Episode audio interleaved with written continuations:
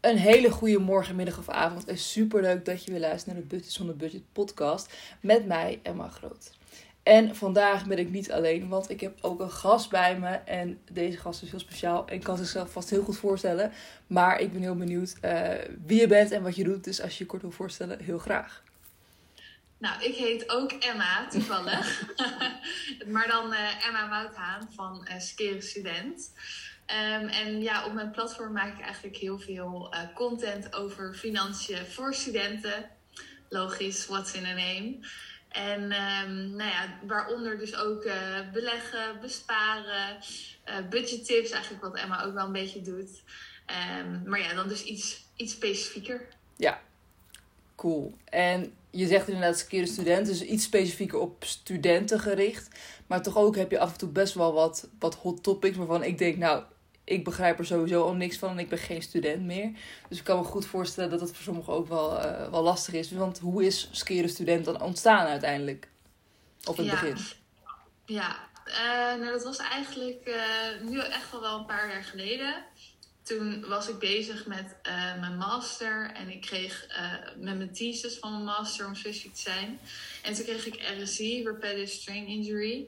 En ik moest toen tijdelijk stoppen met mijn studie. En um, ja, ook met mijn bijbaantjes, omdat ik er gewoon heel erg last van had. En ik moest toen ook wat dingetjes regelen op Duo. En toen ging ik eigenlijk voor het eerst sinds mijn 18e weer eens een keer inloggen. En toen stond daar een hele hoge studieschuld. En uh, ja, dat, dat moment was zo confronterend. Gewoon omdat ik dus en die gezondheidsproblemen had. Uh, en die ho hoge studieschuld dat ik echt een beetje ja, gewoon wakker werd geschud en dacht, ik moet echt nu iets met mijn financiën gaan doen.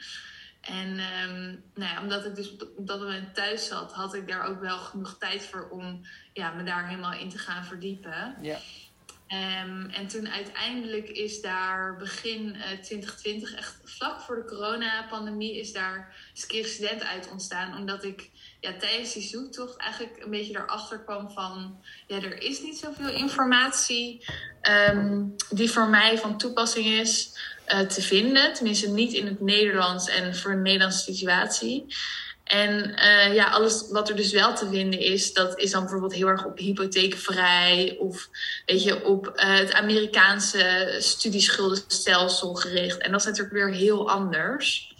Uh, dus nou toen dacht ik uiteindelijk dus van, ik ga dat zelf beginnen. En, en dat is dus keer student geworden. Heel cool. En ook gewoon inderdaad wat je zegt, precies in het begin van 2020. Maar eigenlijk is ook wel een perfect tijdperk, want alles moest ineens online. Terwijl iedereen offline gewend was. Nu zijn we veel meer gewend aan online.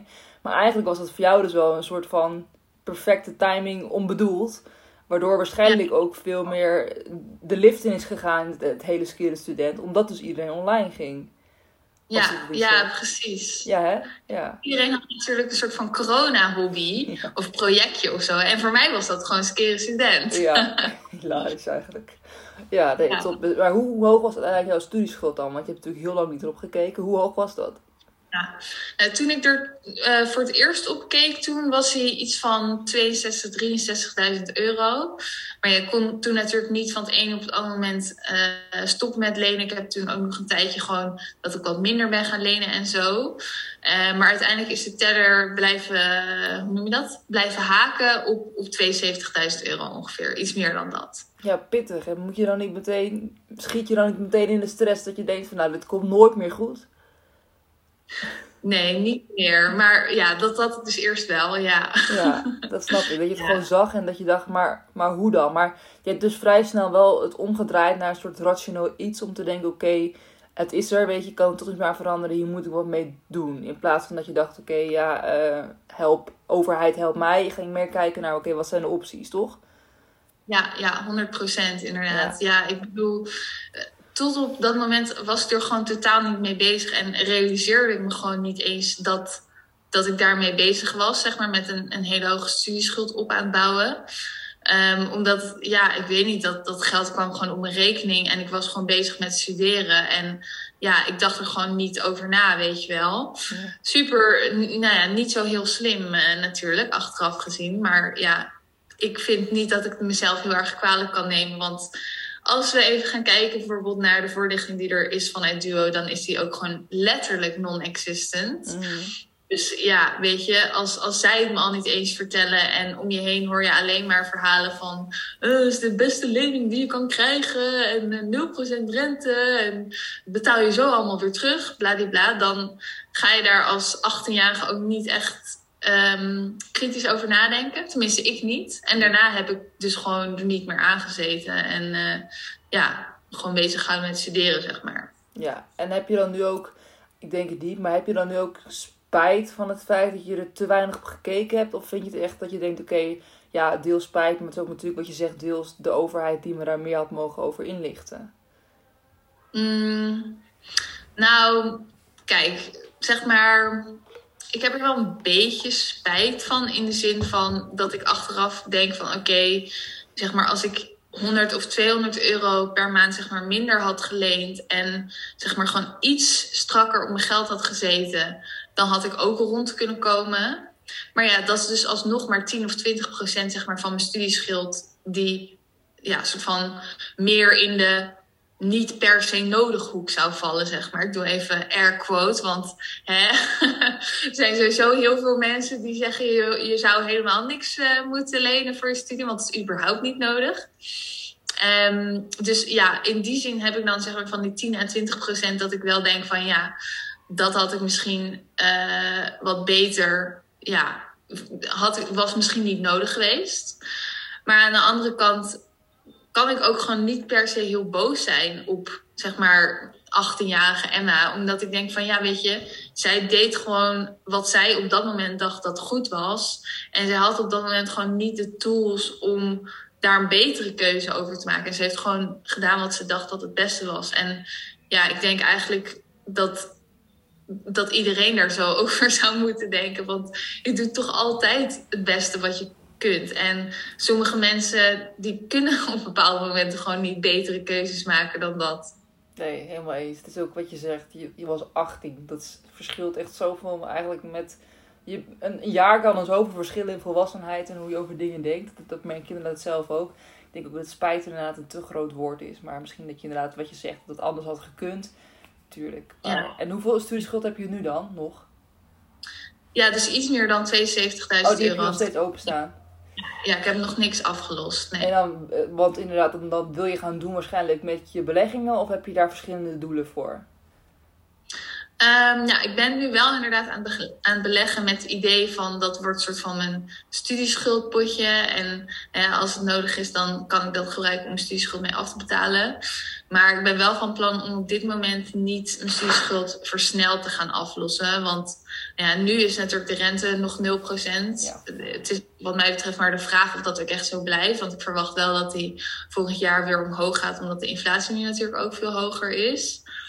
Um, en nou als ik ooit een hypotheek wil, dan, dan zou ik die studieschuld ook zo snel mogelijk af willen lossen. Want heb je daar natuurlijk meer mogelijkheden uh, mee.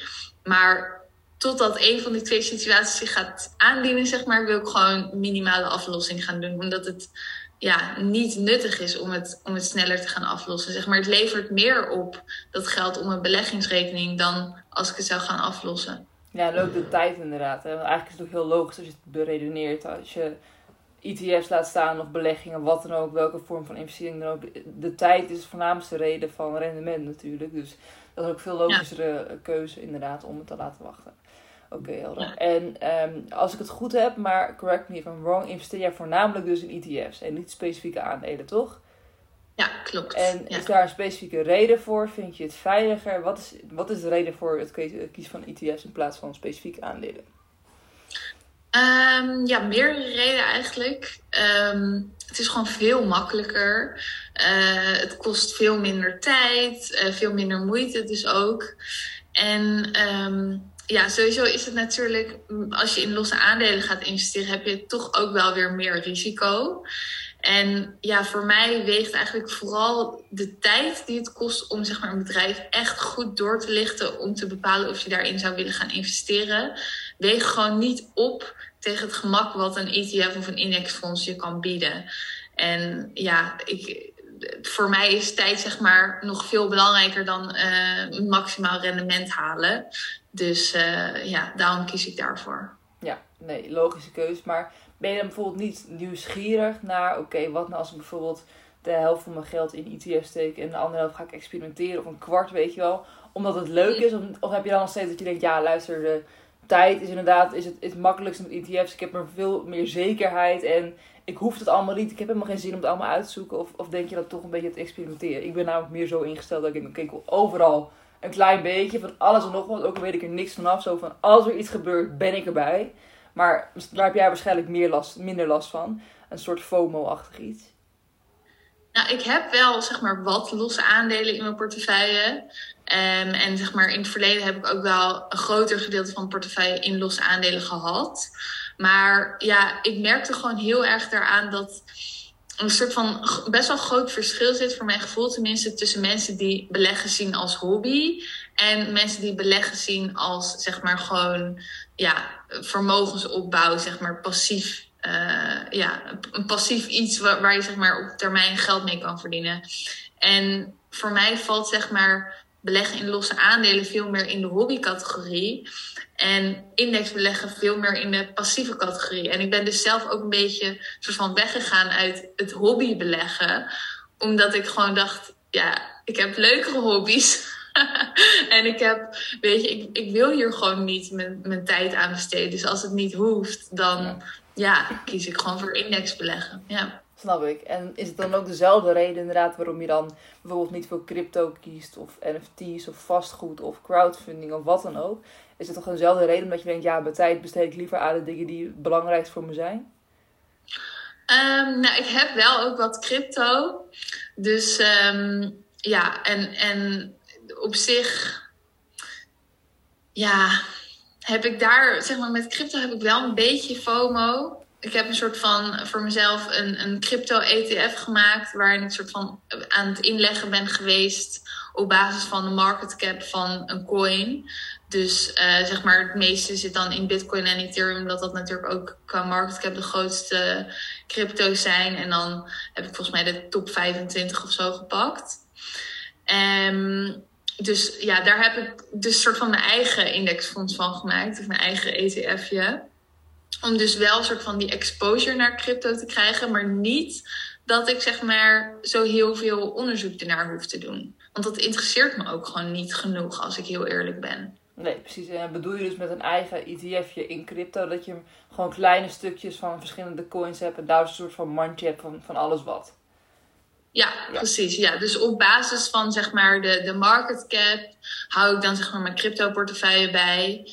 En uh, die is dus verdeeld, zeg maar, dat de, de crypto's met de grootste market cap ook het grootste aandeel zijn, zeg maar, of het grootste gedeelte van mijn crypto portefeuille zijn. Maar over het, uh, als je zeg maar mijn crypto portefeuille vergelijkt met mijn gewone beleggingsportefeuille, dan is het nou, heel klein, zeg maar minder dan 5%. Ja, echt inderdaad een dingetje van oké, het, het, is nu zo in het nieuws, ik wil er gewoon bij zijn. Wat als het ontploft, dan heb ik het in ieder geval maar uh, in mijn wallet zitten. Ja. Snap ik, snap ik. En meteen even een mooi bruggetje, want ik zat dus inderdaad op je account te spieken en ik zag een hele mooie reel over um, dat je niet voor NFT's kiest, maar voor ETF's. En toen dacht ik, ja, dat vind ik leuk, want ik zit helemaal vol in de NFT's op dit moment. Tenminste, nu is het iets gezakt qua interesse, omdat de markt er ook niet voor staat. Maar ik ben heel benieuwd naar jouw mening over NFT's. En wat je, waarschijnlijk ben je niet zo negatief als in het filmpje is, wat ik het overdreven. Maar vertel, wat vind je van NFT's? Wat vind je van de, de hype eromheen? En waarom zou je er wel of niet in willen stappen? Ja, nou ja, sowieso die reel, dat is natuurlijk een beetje een grapje. Als ik, ik, ik heb zelf heb ik geen NFT's, maar het is ook niet dat ik er totaal niet in geloof of denk dat het allemaal scam zijn of zo. Um, maar ik heb wel dat ik met NFT's een beetje zoiets heb van ja, online plaatjes zijn leuk. Maar als je nou gaat kijken wat je er echt aan hebt. Ja, het enige wat het is, is dat je een eigendomsbewijs hebt van zeg maar ja, een code eigenlijk. En die code, dat is dan weer een plaatje of een gifje of een korte video of wat dan ook. En dan denk ik, ja, wat heb je eraan om daar nou daadwerkelijk eigenaar van te zijn? Want het is ook niet eens dat je dan ook de copyright van dat plaatje krijgt of zo. En dat je dus bijvoorbeeld, weet ik veel, t-shirts kan verkopen met dat plaatje erop of zo. Dus ik, ik, ik, snap, ik snap het gewoon nog niet goed genoeg, denk ik. Maar is dat laatste waar? Want ik heb dus wel gehoord dat, uh, maar misschien compleet of topic, qua Board Ape Yacht Club is natuurlijk de grootste en, eh, qua NFT's.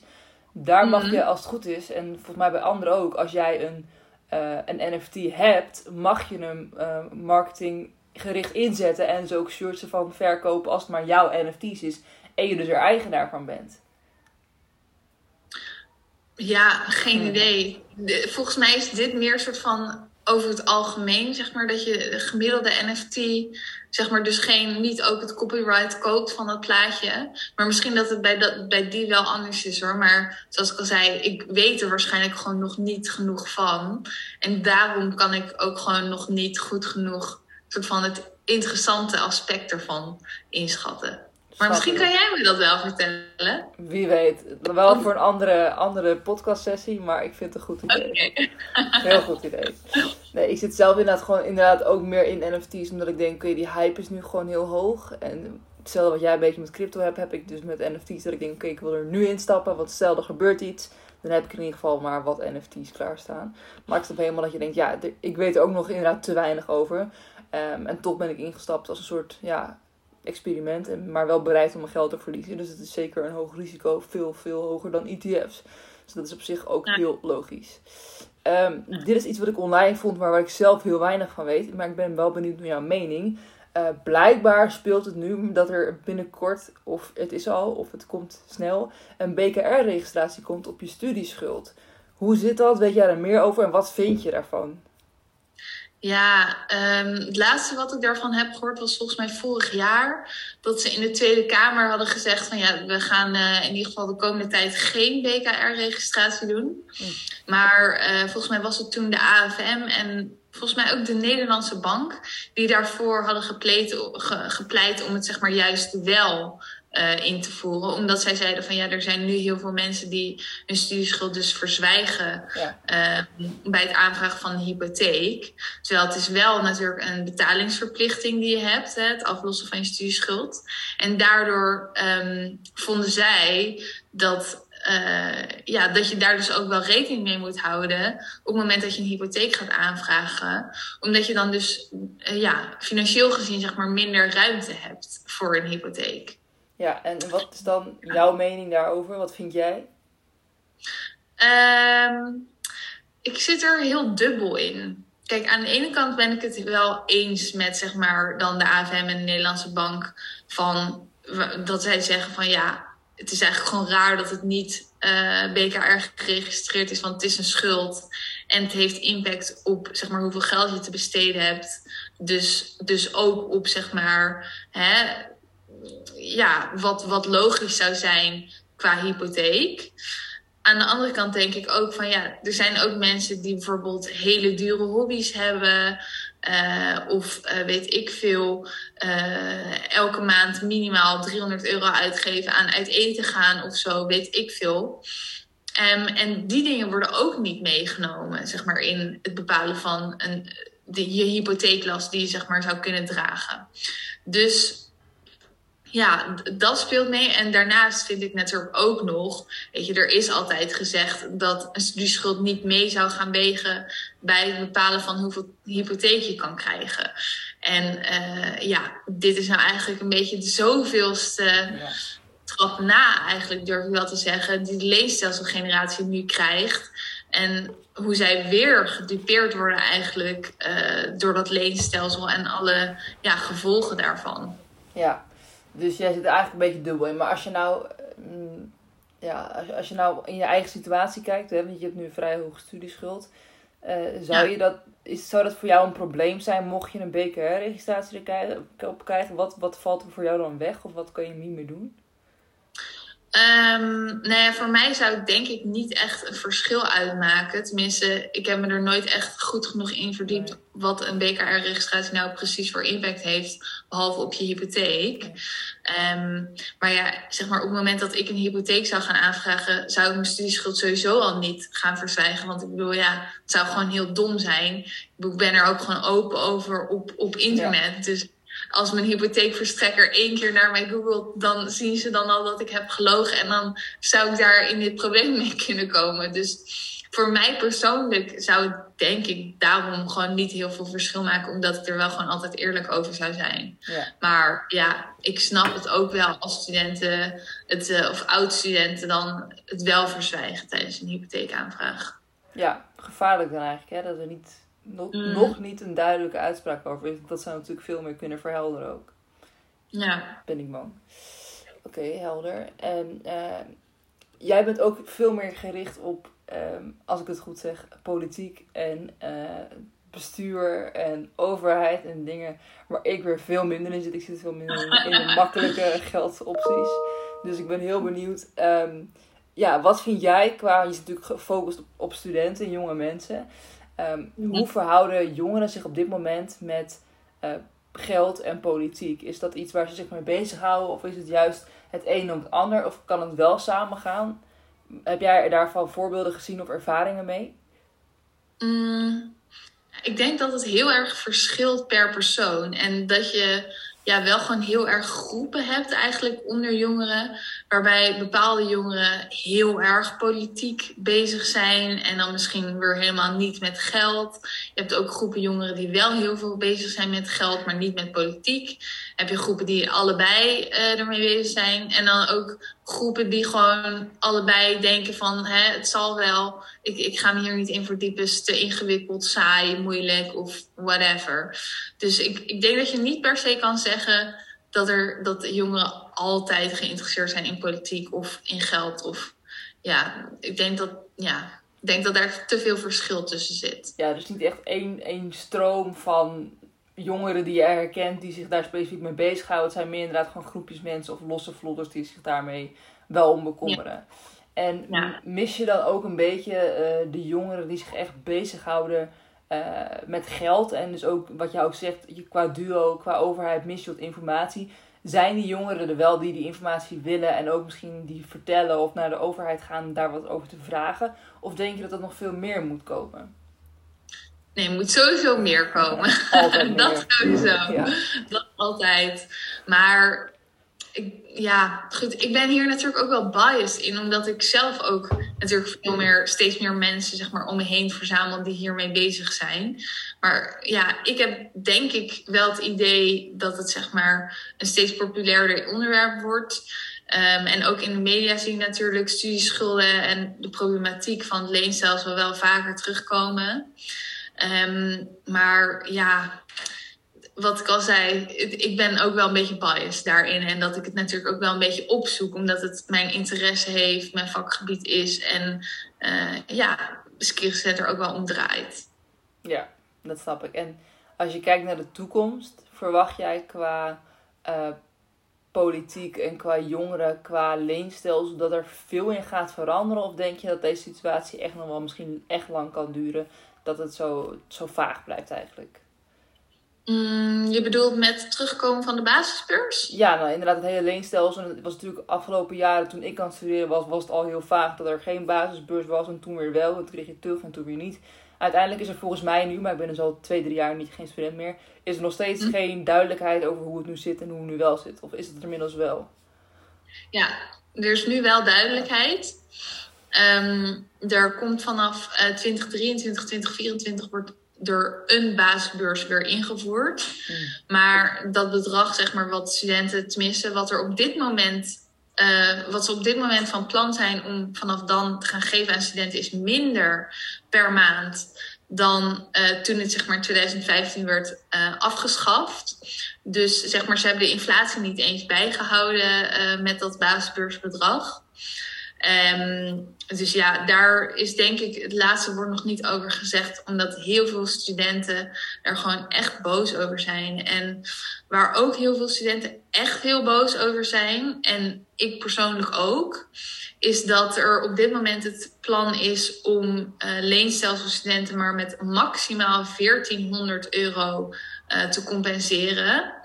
En ja, dat slaat natuurlijk helemaal nergens op. Want dat is letterlijk nog minder dan wat je zeg maar in één jaar aan basisbeurs zou krijgen. En in het oude stelsel uh, hadden ze dan gezegd van um, kregen studenten gemiddeld 14.000 euro basisbeurs tijdens uh, zeg maar hun studentencarrière. En dat is dan op basis van volgens mij vier jaar uh, studeren. Um, dus zeg maar die 1400 euro is letterlijk 10% van wat zij hebben misgelopen. En ja, dat gewoon gecombineerd met bijvoorbeeld opmerkingen van, van Engelshoven uh, tijdens de coronapandemie. Toen er natuurlijk heel veel ontslagen vielen in de horeca, waar heel veel studenten werkten.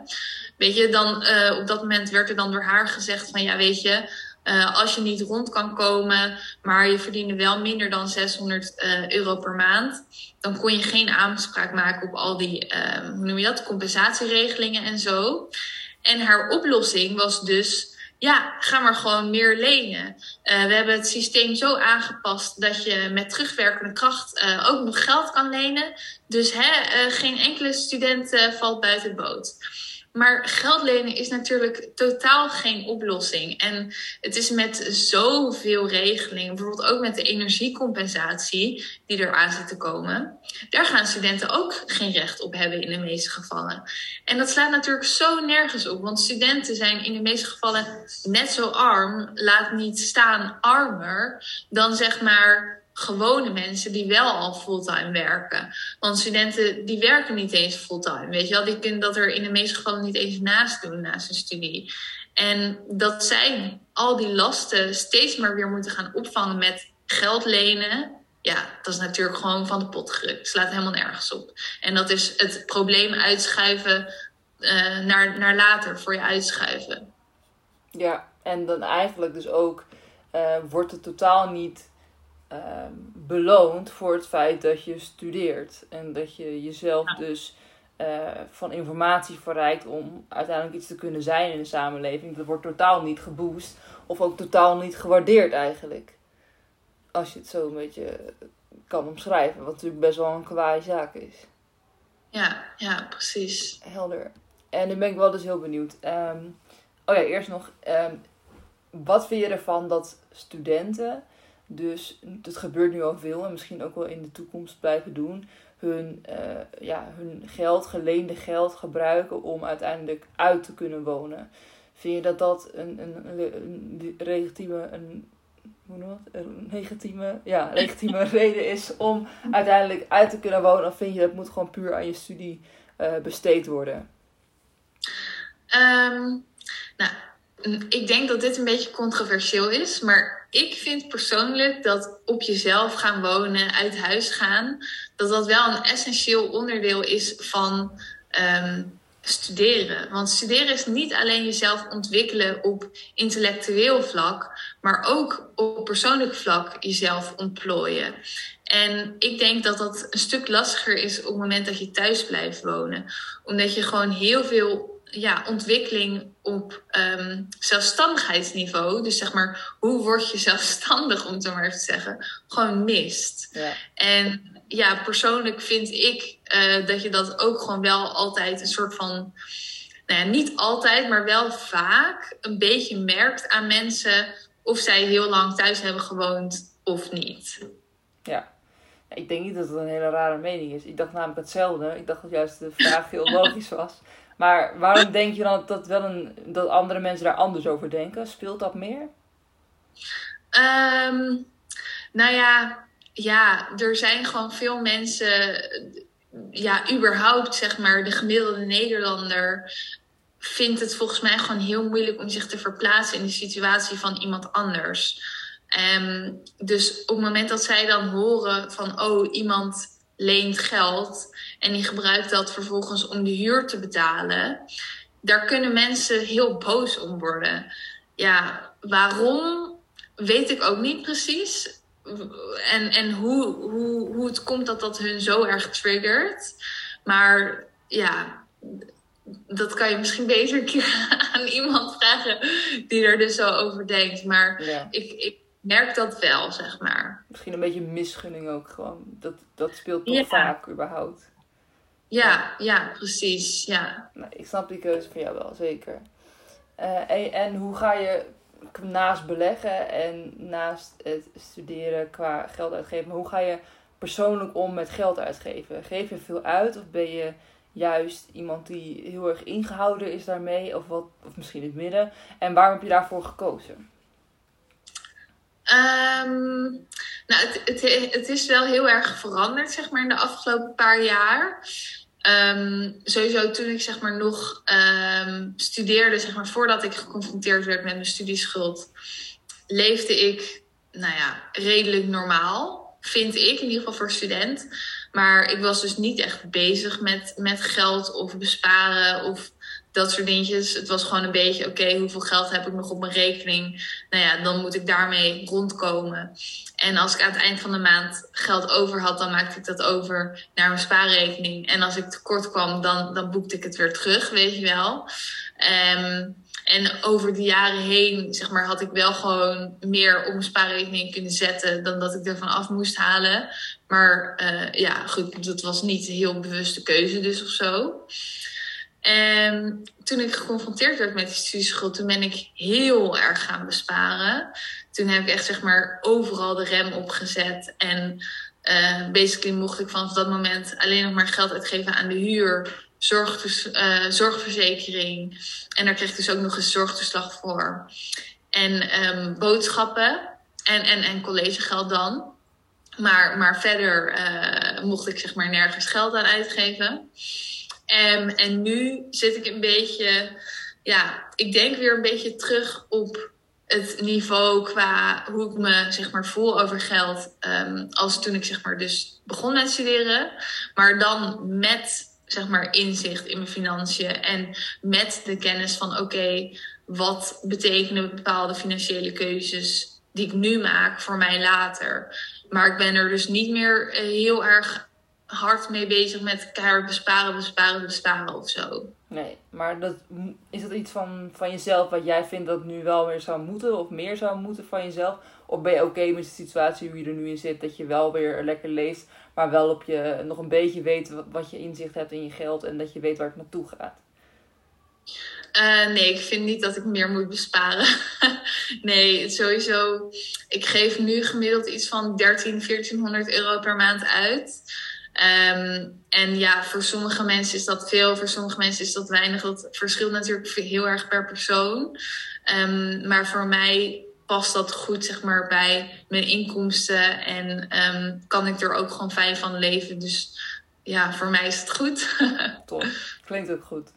En je bent naast dat je nu gewoon inzicht hebt in je, in je geld, ben je ook wel zuiniger geworden op je tijd, als ik het een beetje goed begrepen heb. Uh, wat zijn, nou, heb je een paar tips, twee of drie tips wat je kan doen, zodat je altijd gefocust werkt of je dag gewoon strak begint en dat je echt optimaal gebruik maakt van je tijd? Mm, ja, nou, ik denk dat zeg maar mijn, mijn belangrijkste tip om, om tijd te besparen en dus efficiëntie en zo, is om je boodschappen te laten bezorgen. en dat hoeft natuurlijk niet per se zeg maar, een, als een, een besparingstip te zijn. Maar als je zeg maar, heel snel wordt verleid in de supermarkt om weet je wel, dingetjes te kopen die je ziet liggen, dan kan het wel weer uh, geld besparen. Maar het verschilt natuurlijk ook een beetje uh, per supermarkt die je uitkiest en wat de bezorgkosten zijn en zeg maar jouw minimum bestelbedrag en zo. Maar ik denk dat boodschappen laten bezorgen voor veel mensen wel uh, geld en tijd zou kunnen besparen. Ja, hilarisch dat je dat zegt, want ik heb daar echt net een video over opgenomen over de oh. tips en voordelen en nadelen van AH bezorging. Wat het oplevert qua geld en qua tijd. Dus echt niet beter kunnen zeggen. Ik snap hem helemaal. Vertel, wat dan meer? Wat specifiek bespaart echt tijd misschien qua, qua workload, qua gefocust werken? Um, ja, qua workload Mm, ik denk dat het belangrijk is om uh, bij jezelf na te gaan wat je nou echt leuk vindt om te doen en wat je misschien niet zo leuk vindt om te doen. En ook um, ja, na te denken over wat zijn manieren waarop ik dit zou kunnen uitbesteden. Of hoe kan ik ervoor zorgen dat ik dit niet meer hoef te doen? Of niet meer zo vaak hoef te doen? Of weet je wel, dus iemand anders uh, het laten doen. Dat, dat kan dus ook nog. Of misschien denk je wel, hè, eigenlijk is dit helemaal niet zo belangrijk. Ik stop er gewoon helemaal mee, weet je wel. Ik, ik, ik, ik ga dit helemaal niet meer doen.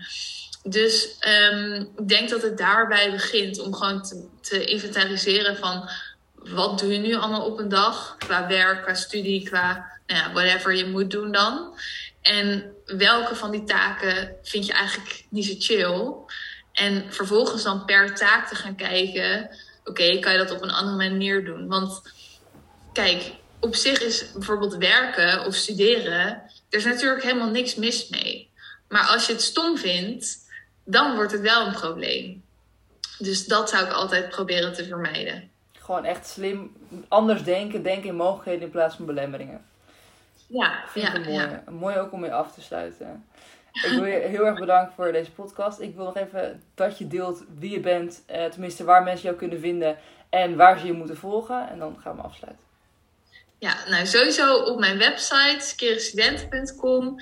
Uh, ik ben ook op Instagram en TikTok te vinden op skeren-student.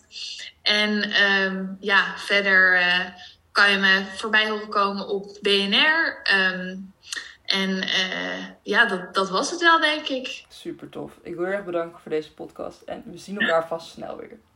Yes, jij ook bedankt. Doei.